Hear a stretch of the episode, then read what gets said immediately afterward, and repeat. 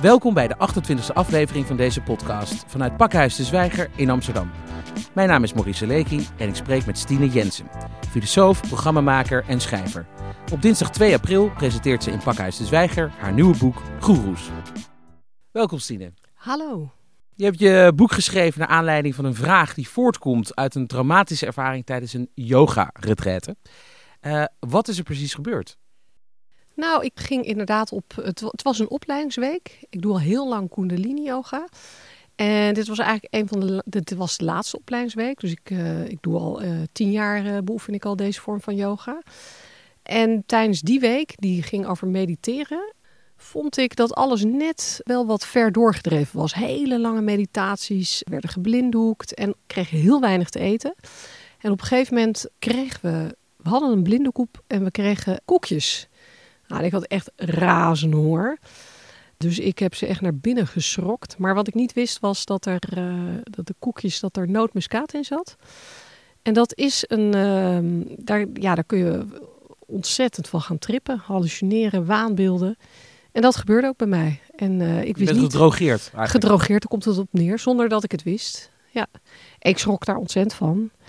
En ik, uh, ik heb eigenlijk ook hals over kop eigenlijk die week verlaten.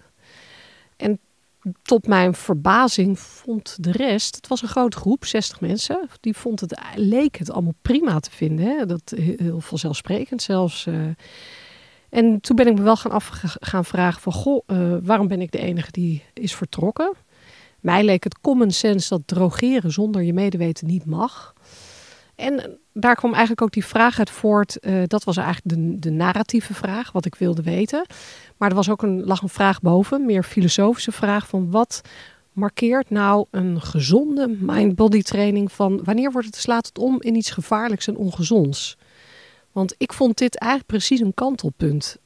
Ik zag hier eigenlijk een spirituele leraar die, die een groep mensen echt wel redelijk manipulatief onder controle had. Ik vond dit eigenlijk niet meer soort wat ik daarvoor had ervaren, was dat ik wel degelijk buiten mijn comfortzone ging. Maar dat het altijd nog wel, uh, weet je, knapte ervan op. Ik leerde er wat van. Uh, en het voelde ook goed. En ook na afloop. Ook zoiets als weinig eten bijvoorbeeld. Hè. We eten veel te veel in deze uh, consumptieve samenleving. Dus het kan een hele goede oefening zijn om een week lang eens minder te eten. Um, maar ik zag hier dat het echt bijna dat de technieken bijna manipulatief werden ingezet. Want nog even, die, die koekjes die werden toegediend, of die kregen ze opgediend, zeg maar, eigenlijk uh, in het kader van dus, uh, de, de, de training. Ja, het ging over meditatie en over de facetten van de geest. En dit zou dan een onderdeel daarvan zijn. Dus dat je dan kennis maakt uh, met een van de facetten van de geest waarin je helemaal buiten jezelf treedt. Nou worden natuurlijk drugs of drogerende middelen, hè, denk aan ayahuasca, die worden wel vaker ingezet in spirituele trainingen. Mensen kiezen daar ook zelf voor. Volgens mij heb je in Amsterdam zelfs uh, hash yoga tegenwoordig. Ja, echt waar. Er komen uh, met name vrouwen bij elkaar. En die, uh, die roken eerst wat hash en dan zijn ze meer ontspannen in het lichaam en dan gaan ze yoga doen. Dus, dus op er is altijd wel een connectie geweest tussen uh, middelen waar je van je buiten je bewustzijn treedt of die iets met je doen, met je geesttoestand en spiritualiteit. Dat is op zichzelf niet nieuw. Hè. Denk ook aan een hele Zuid-Amerikaanse traditie van het gebruik van paddenstoelen, planten. Nou, ayahuasca noemde ik al. Maar kijk, meestal weet je dan wel dat je er zelf voor kiest. Je schrijft je in voor een ayahuasca weekend of je gaat naar hash yoga. Je weet wat je te wachten staat. En in dit geval was ik er echt niet op voorbereid. En dat vond ik echt tricky. Zeker toen ik op ben gaan zoeken wat de effecten konden zijn van nootmuskaat bij een overdosering. En dat was echt, uh, echt schrikken. Want wat zijn die effecten dan? Uh, psychose, uh, waanbeelden. Ehm, bij een hele grote overdosering kan het zelfs tot de dood leiden. Totale paniekaanvallen, droge mond, zweten. Nou, dus volstrekte angst. En jij was de enige van die 60 studenten eigenlijk die zich, die zich hier bewust van was uh, en weg ja, is gegaan? Ik was me op dat moment niet bewust van wat me overkwam. Ik dacht alleen wel, dacht ik hier klopt iets niet. Want ik zag een heleboel mensen wel echt rare bewegingen maken. Maaiende bewegingen met hun arm. Ik dacht echt, wat is hier gebeurd? En ik was op dat moment zelf merkte ik ook dat mijn hoofd niet meer in orde was. Hè? Dus dat ik, ik observeerde mezelf dat er echt iets niet klopte in mijn hoofd. En ik werd ook angstig. Maar ik wist natuurlijk niet wat er aan de hand was. En ik heb, omdat ik één keer ayahuasca heb gedaan, had ik wel het idee, dit zou wel eens ergens, maar dat duurde wel vier, vijf uur voordat dat tot mij doordrong. Dacht ik, misschien hebben ze gewoon iets in de koekjes gedaan. En dit is, beschrijf je ook eigenlijk in de proloog van jouw boek. Het is heel, heel uh, ja, beeldend geschreven eigenlijk. Dus je kunt je echt heel, je beschrijft ook hoe het, dat met je hersenen uh, eraan toe gaat. Ben je, ben je hier eigenlijk van geschrokken ook uiteindelijk? Ik bedoel dat je dacht van oké, misschien kom ik hier nooit meer weg. Ja, ik ben wel echt geschrokken. Want je schrikt je sowieso te pletter van de effecten van drugs. Zeker als je daar niet op voor bent bereid. Dat is hartstikke eng. Ik ben er ook van geschrokken dat, dat dit gebeurt. En dat, dat het voor sommige mensen kennelijk gewoon volstrekt vanzelfsprekend is. Dus nee, ik, ja, ik was daar wel enorm van geschrokken. Ja. En dat heeft uiteindelijk dus uh, jou ook aangezet om dit boek te gaan schrijven? Ja, en, uh, en, en dat boek bestaat inderdaad uit dat ik de lezer meeneem in, in, die, in die, uh, wat daar gebeurt, hoe dat precies gaat. Hè. Dat heeft een lange aanloop. Het is niet zo, wij komen binnen en hup, hier zijn de koekjes. Nee, dat gebeurt. Dat is een. Dat word je helemaal op voorbereid eigenlijk op, op een, Dat steeds wordt de grens wat verder gelegd. En dan heb je op een gegeven moment zo weinig gegeten dat je die koekjes dus uh, samen met koffie overigens, met drie bekers cafeïne. Dus dat was er ook nog eens, uh, zat erbij. En dan volgt eigenlijk de meer um, ja, filosofische vraag van het boek van waar ligt die grens nou eigenlijk? En wanneer slaat iets gezonds om in iets gevaarlijks? En um, heel veel aandacht is er meestal voor de guru, voor de charismatische leider, die dus eigenlijk een, een groep ja, aan zijn voeten heeft liggen. En ik vroeg me af of dat hier ook aan de hand was. En want de meeste leerlingen die daar waren, die waren al twee jaar bij hem. En zou het dan ook kunnen dat de reden dat zij niet, uh, laten we zeggen, in protest zijn gekomen, dat dat komt omdat ze misschien een soort van ongeschreven code al op hadden gepikt? Ik bedoel, dat ze al wisten dat dit zou gaan gebeuren? Nee, ik denk, dat denk ik niet, want ik, heel veel mensen wisten het niet. Uh, misschien dat een paar het wel wisten, omdat dat die ervan gehoord hadden van studenten, leerlingen die eerder waren geweest. Ik denk eigenlijk dat zij bleven omdat zij er al twee jaar een groep vormden. En dat de, de kracht van een charismatische groep is heel groot. En um, dat zij dat bijna samen als een ontbering hebben gezien en ervaren. Een beetje zoals je bijvoorbeeld ook een studentenkorps hebt. En dat dat groepsband zelfs sterker maakt. Uh, en ik denk, bijvoorbeeld tijdens een ontgroening. Precies. Uh, daar deed het mij soms namelijk ook wel aan denken. En ik denk een andere reden is dat zij volledig vertrouwen hadden in de goeroe. Dus in, in de spirituele leraar die voor ze zat. Zij vertrouwde deze man volkomen. Alles wat hij deed, dat doet hij met een reden. Dus, dus ik denk, en ik was iets sceptischer. Ik had niet een tweejarig traject bij hem gedaan. Ik, ik deed één week. Ik wilde een keer een, een andere leraar treffen. Ik zat al, en, en daarin wat nieuws ontdekken. Dus ik, had, ik was niet helemaal hoog tot de boot van deze leraar. Dus ik denk dat dat ook een, een verschil maakt. Je maakt in je boek uh, onderscheid tussen vijf verschillende spirituele verleidingen. De charismatische leiders, uh, die heb je eigenlijk nu al benoemd, die, die goeroes. De charismatische groepen, die collectieven. De charismatische technieken, de charismatische emoties en de charismatische ideeën. Welke van deze verleidingen speelt in jouw inzicht uh, en in jouw ervaring de grootste rol bij het aantrekken van mensen? Nou, ik denk zelf dat de rol van de emoties niet onderschat kunnen worden. Dus waar de technieken, dat zijn bijvoorbeeld meditatie, visualisatie, een dieet. Dat zijn technieken waardoor je bepaalde bewustzijntoestanden op kunt roepen die prettig kunnen zijn. Maar wat ze oproepen of veroorzaken, die emoties, en dan kun je denken aan extase, blijdschap, je goed voelen, maar ook verdriet. Dus kunnen loslaten dat dat niet onderschat kan worden. Want als dat met jou gebeurt, hè, als je in de extase raakt tijdens een meditatie, dan voelt dat, kan het zo goed voelen dat je eigenlijk die ervaring weer wilt opzoeken, maar ook toeschrijft aan bijvoorbeeld aan een leraar of aan de yoga of aan hè, wat je ook maar doet. Dus ik, ik denk eigenlijk dat die voor die emoties niet zoveel aandacht, maar dat die, dat die werkelijk een hele grote rol spelen. Kan het dan daarin ook een soort van verslavend effect hebben? Absoluut, dat denk ik wel. Dus er zijn meditaties waardoor je positief denken kunt benadrukken en ook echt je beter gaat voelen. En die helpen ook echt. Ze helpen tegen depressie. Die zijn echt ongelooflijk goed. Het zijn hele waardevolle technieken. Maar als je merkt dat het werkt, kun je daar natuurlijk wel degelijk dat dat een plek voor jou wordt waarin je je veilig en goed voelt. Dat kan natuurlijk wel degelijk een verslavend effect hebben. Ik heb zelf één keer gehad uh, dat ik tijdens een, een oefening dat ik me heel erg krachtig heb gevoeld. Ongelooflijk krachtig. Nou, eigenlijk wel bijna alsof ik, ik dacht, wat zijn dit voor krachten? Ik voelde me zo sterk en goed. Dat heb ik eigenlijk alleen maar tijdens de yoga zo ervaren. En ik heb toen nog gedacht, goh, zou dit dan de kundalini-energie zijn waarover men spreekt? Maar ik weet nog wel dat ik dacht, wauw, dit voelt geweldig. Dit wil ik eigenlijk nog een keer. Maar dan verwar je natuurlijk dat, dat spiritualiteit gaat ook niet om het bereik van dat doel. Hè. Het is niet uh, het gaat om de reis. Ja, eigenlijk wel. Het is natuurlijk niet een soort fastfoodverlichting waar je dan, dan hup naartoe kan en dan voel je je weer goed. Zo werkt het dus eigenlijk niet. Dat, dat werkt eigenlijk wel zo bij bijvoorbeeld uh, drugs of alcohol. Hè. Dat is eigenlijk een soort shortcut naar uh, een staat van bewustzijn. Maar dat is hier niet zo. Maar ik weet wel dus dat die ervaring, dat ik wel dacht, wauw, dus zo kan ik mij voelen. Ik heb die kracht in mij. En dat je dan wel dat nog een keer wil ervaren. Stine, waarom ben je eigenlijk aan deze reis begonnen naar jouw eigen spiritualiteit? Ik ben er ooit mee begonnen omdat ik merkte dat er een aantal dingen waren die ik in mijn leven als ongezond markeerde. Ik werkte heel hard.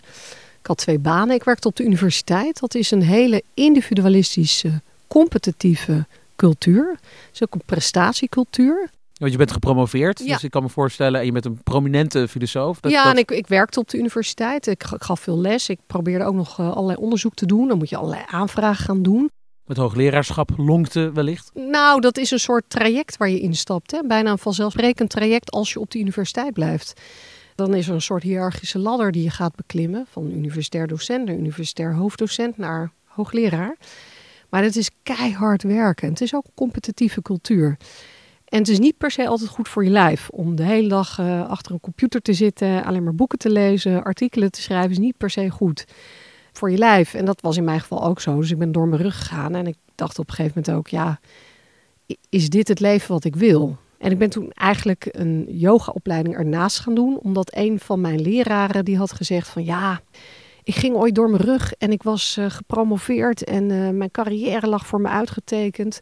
Maar ik dacht, wil ik dit wel? Nou, als iemand als ik zo'n yoga-opleiding kan doen, dan kan jij het ook. En hij zei, je moet het misschien gewoon gaan doen voor je persoonlijke ontwikkeling. En toen dacht ik, ja, dat is eigenlijk een goed idee. Waarom ook niet? En dat was dus een van jouw academische docenten die dit deed. Het was niet een van je yogaleraar, toch? Nee, dit was uh, wel degelijk een, een yogaleraar, maar die was ook. Oh, oké. Okay, uh, die kwam uit de wetenschap, maar is uiteindelijk uit de wetenschap. Hij, en hij is ook aanwezig op de avond. Guru Gyan, hij heeft dus een spirituele naam. Dat is me ook een fenomeen uit die wereld. Mensen hebben dus spirituele namen, heel interessant. En die zei dat. Toen dacht ik, oké, dat ga ik ook doen. Ik ga, ik ga gewoon zo'n opleiding doen. En dat was zo'n omwenteling en transformatie. Maar wat er ook heel leuk van was, wat ik er heel aantrekkelijk van vond, was dat ik kennis maakte met allerlei ideeën uit de Oosterse filosofie. En veel daarvan was voor mij volstrekt nieuw. Dus hoewel ik filosoof ben, had ik daar nooit mee kennis gemaakt tijdens mijn studie filosofie. Ik heb filosofie in Groningen gestudeerd en het accent lag heel sterk op wetenschapsonderzoek en wetenschapsfilosofie. En dan moet je denken aan Karl Popper, Bruno Latour, eh, maar die Oosterse filosofie. Dus het was heel eurocentrisch? Volkomen eurocentrisch. En dit was voor mij een nieuwe wereld en echt een mer à boire. En het was zo aantrekkelijk eigenlijk, die Oosterse filosofie. En dan, dus ik viel ook heel erg sterk voor wat ik dan in mijn boek het charismatische idee noem. En charismatische ideeën zijn ideeën met een enorme aantrekkingskracht. Dus je hebt, tenminste dat beweer ik in mijn boek, je hebt niet alleen charismatische personen, uh, je hebt bijvoorbeeld ook charismatische dieren waar we geld voor doneren. Of je hebt charismatische groepen. Groepen die heel aantrekkelijk zijn om bij te horen. Maar je hebt dus ook charismatische ideeën. En dat is bijvoorbeeld het boeddhisme? Dat is een heel charismatisch idee. En binnen het boeddhisme zoiets als empathie. Compassie. Compassie is echt zo'n buzzword. als je naar een bijeenkomst van de Dalai Lama gaat, dat kunnen we ook gerust een uh, goeroe uh, noemen, dan valt dat woord compassie echt om de haverklap. En dan zie je mensen echt helemaal, ja, ja, ja, die gaan, gaan ook mee met, met zo'n woord. Maar zo'n woord, en dat kan compassie zijn, maar het kan ook bijvoorbeeld geluk zijn, verlichting, non-dualisme, advaita, alles is één, is ook een charismatisch idee. Alle conflicten die worden opgelost. Dan merk je dat alleen al zo'n begrip zelf, daar kun je door gebiologeerd raken. En, en sommige van die begrippen, dat zijn immers ervaringsbegrippen hoe voelt non-dualiteit eigenlijk? Of hoe voelt geluk? Hoe voelt verlichting? En de belofte van een spiritueel traject is natuurlijk dat dat ga je uiteindelijk bereiken of ervaren. Dat gaat je lichter maken. En um, die charismatische ideeën zijn zo interessant omdat het eigenlijk zijn het abstracte concepten. Vrijheid, verlichting, geluk, Wat is het eigenlijk? Ja, en volgens mij zijn ze zo charismatisch omdat mensen er van alles op kunnen projecteren. Dus je ziet bepaalde spirituele leiders of goeroes. Andrew Cohen was er zo een, een Amerikaan. Die heeft gewoon een hele commune gebouwd rondom dat begrip vrijheid. Jij kunt radicale vrijheid ervaren. Nou, dat is heel aantrekkelijk. En het kan zo aantrekkelijk zijn als je vastzit in bepaalde patronen of je zit vast in een bepaalde structuur. Hoe voelt echt werkelijke vrijheid? Vrijheid van denken, vrijheid van zijn. Is het ook uh, vanuit het Westen gezien, waarin natuurlijk uh, vooral bijvoorbeeld in Nederland de ontkerkelijking uh, hard heeft toegeslagen, om maar zo te zeggen, de ontzeiling en ontkerkelijking. Ja. Is het ook een soort van zoektocht naar een nieuwe morele houvast, die ook zoveel mensen richting die Oosterse filosofie drijft?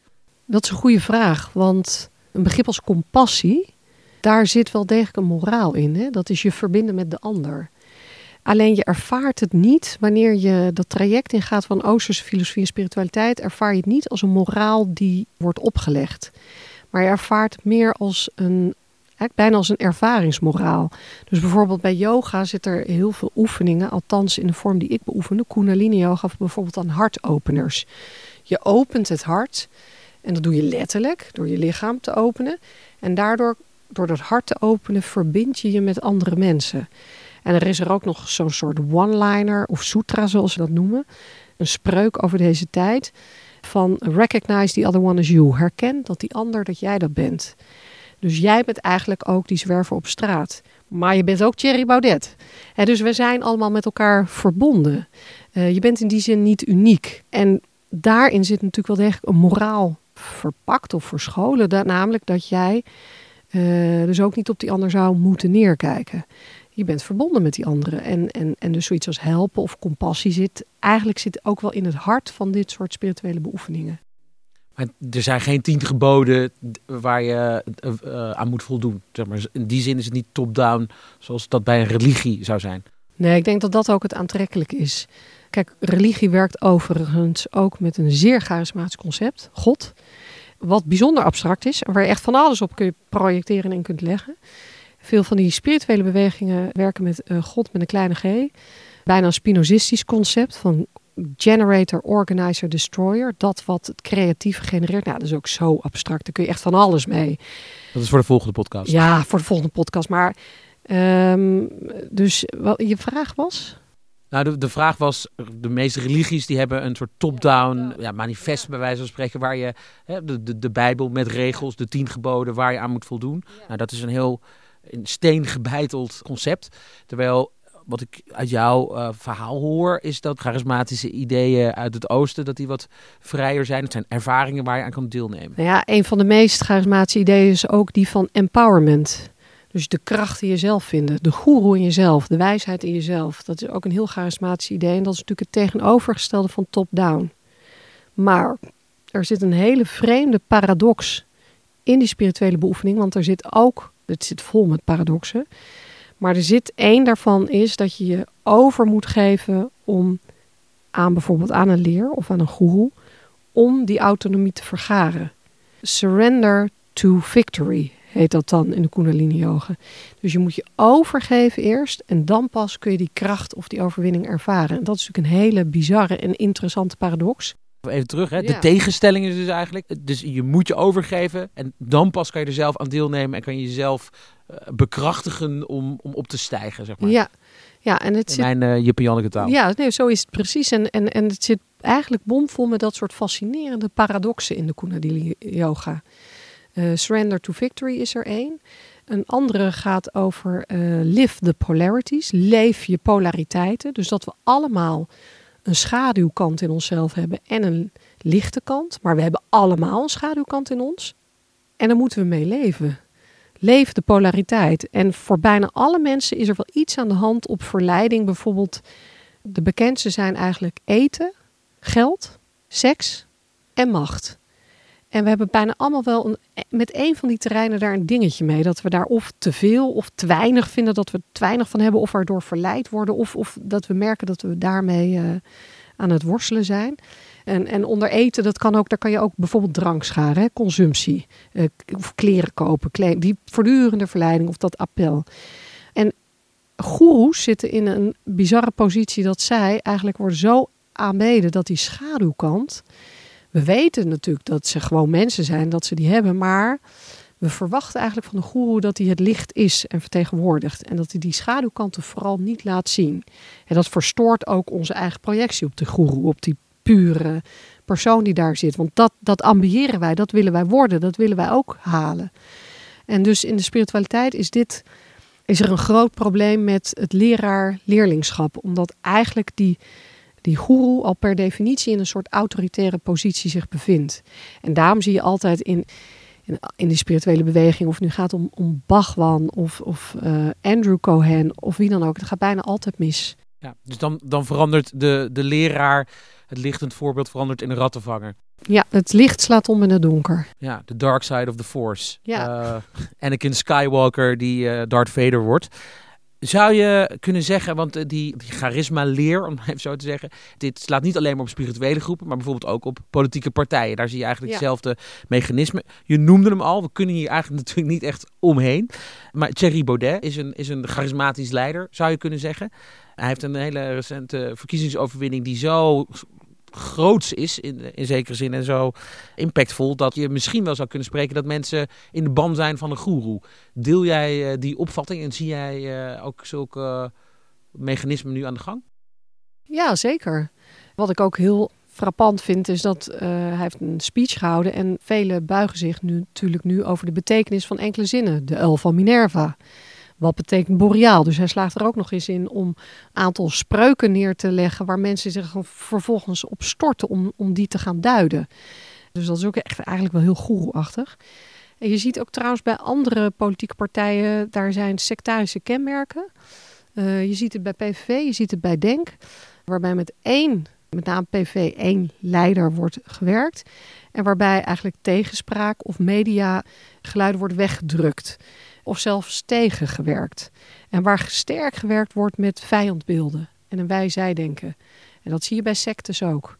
Er zijn zelfs, ja, ik, ik, ik heb zoveel gelezen nu over sectes en goeroes. Maar uh, ik las ook in één, één boek las ik ook dat SP ook wel uh, wat sectarische kantjes heeft. Ja, maar waarin, waarin uit, uitzicht dat dan? Wat is, wat is dan een secte eigenlijk? Wanneer wordt het een secte? Wanneer wordt een groep een secte? Nou, er zijn tien kenmerken, sectarische kenmerken. Daar, daarin zit bijvoorbeeld het hebben van een charismatische leider. De achterban wordt opgeroepen om geld te doneren. Steeds meer overigens. Er wordt vaak gewerkt met levels. Level 1, level 2. Uh, met allerlei niveaus. En naarmate je kunt dus een hiërarchie bewandelen. Er worden uh, lifestyle dingen eigenlijk opgelegd. Hoe, hoe te eten. Hoe je te kleden. Uh, met wie je naar bed moet of mag. Er wordt bijvoorbeeld vaak met kinderprogramma's gewerkt. Uh, spirituele namen, andere namen aannemen, hoort er ook wel bij. En met kinderprogramma's, je bedoelt dat kinderen dan al vanaf jeugdige leeftijd ja, uh, in een soort uh, traject. Uh, of er worden ook uitspraken gedaan over wat je, hoe je met kinderen om moet gaan. En ook of je ze wel of niet moet krijgen. Dat hoort dus bij die uh, reproductie. Er is een sterke ideologie, dus een opvatting, en die is vaak utopisch of revolutionair zelfs. Dus de belofte van een betere wereld, een visioen, een vergezicht. Dus dat zijn allemaal dingen die bij, uh, bij sectes worden. Bij, bij sectes is eigenlijk ook een van de belangrijkste is dat er een straf zit op weggaan. Dus de secte en afvallige, daar, daar zit ook een stevige straf op. Je wordt blijvend achtervolgd, je wordt aangemoedigd om terug te komen. Contact verbreken met familie. Dus er zijn, er zijn wel allemaal van dat soort kenmerken. Maar er zijn dus ook, en dat vind ik heel interessant in deze tijd, kun je het soms niet zo duidelijk aanwijzen. Hè? Er zijn, en dat geldt ook, ja, er zijn dus ook groepen die hebben een aantal van deze kenmerken, maar die zouden we niet een secte noemen. Of daar is het veel meer fluïde. Dus in ieder geval. Die zijn misschien ook niet eens zo bewust zo ingericht. Precies. Die zijn meer ingericht als een organisatie waarin je nou eenmaal een leider en een soort van uh, gemeenschappelijk, ja, gemeenschappelijk wereldbeeld hebt. Of zou het ook kunnen dat, dat er bepaalde organisaties echt bewust als een secte worden ingericht? Ik vind het moeilijk te zeggen. Ik geloof, ik geloof dat op een gegeven moment, ik, ik denk de meeste uh, spirituele leiders of goeroes, of hoe je ze ook wilt noemen, of politieke leiders, ze beginnen aanvankelijk met volgens mij een vrij oprechte ambitie. Ze, geloven echt erg, ze geloven echt ergens in. Ze vallen daarmee samen. Een goeroe belichaamt een idee. Dat is ook hun aantrekkingskracht. Is hun zelfovertuiging.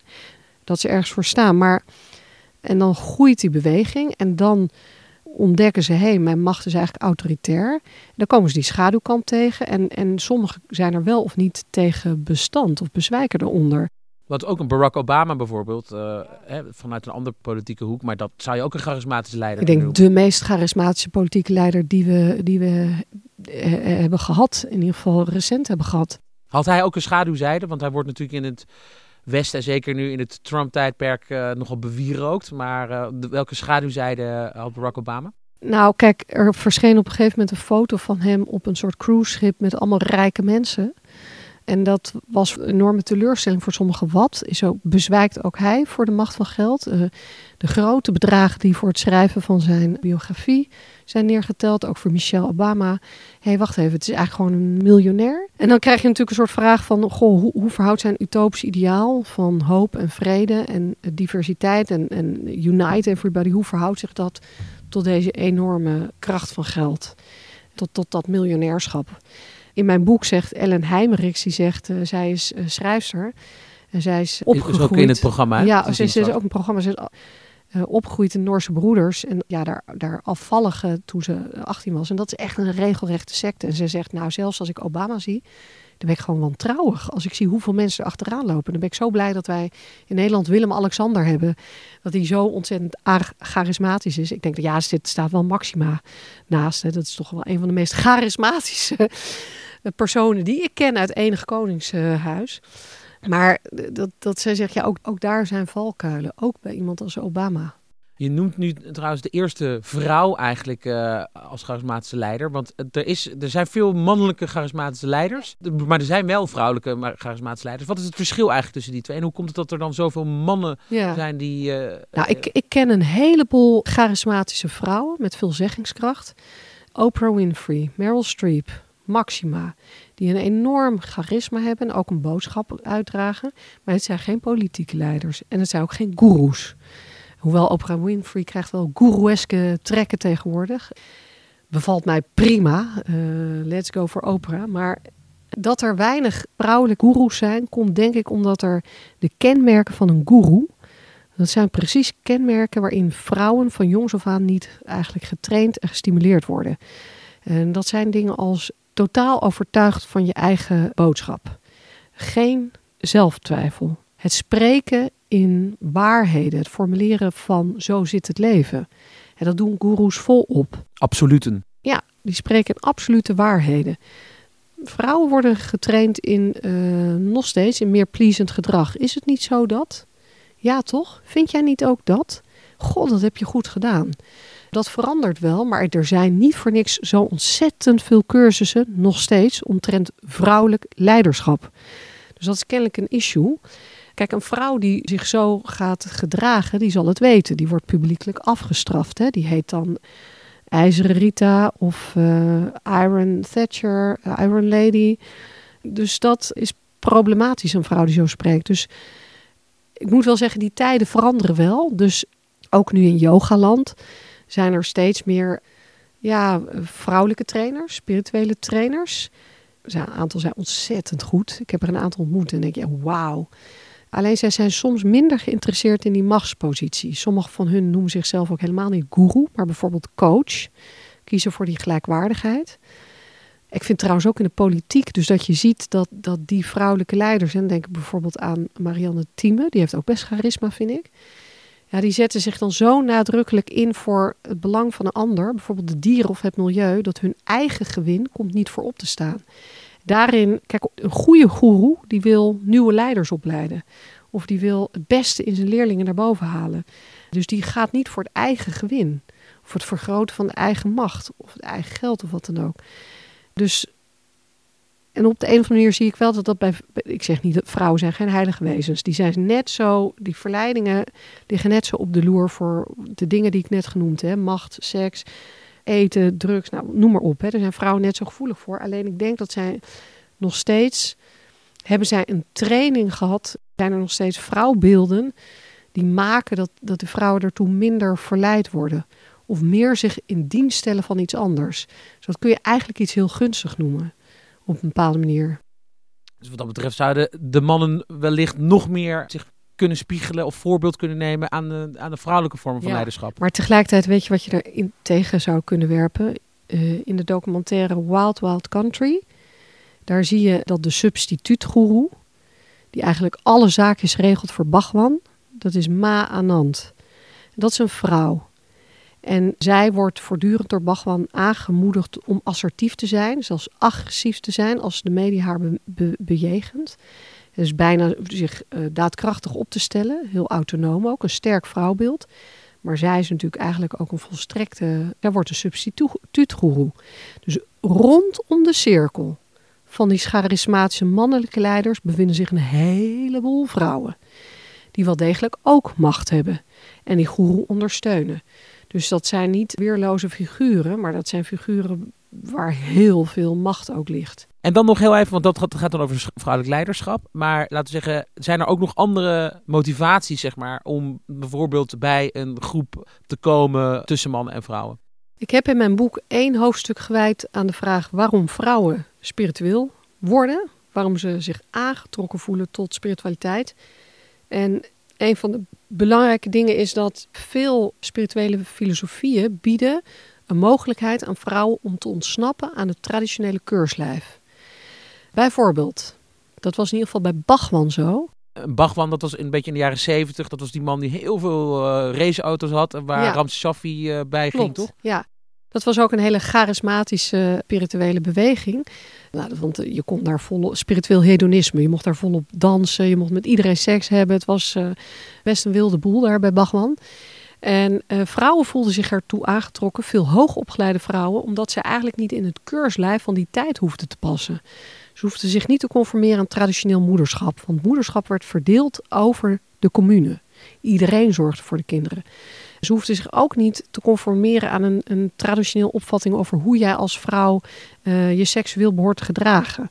Eh, namelijk één partner, monogamie en anders ben je een slet. Nee, zij konden, mochten ook vrije seks beoefenen. Dus dat was ook heel charismatisch. Dus voor vrouwen was het aantrekkelijk omdat zij konden ontsnappen uit een traditioneel rolpatroon waarin voor hun een weg weggelegd lag als een eh, moeder. Maar ook als je wel carrière ging maken, dan was er een conflict tussen moederschap en carrière. Dat was binnen die spirituele beweging niet zo.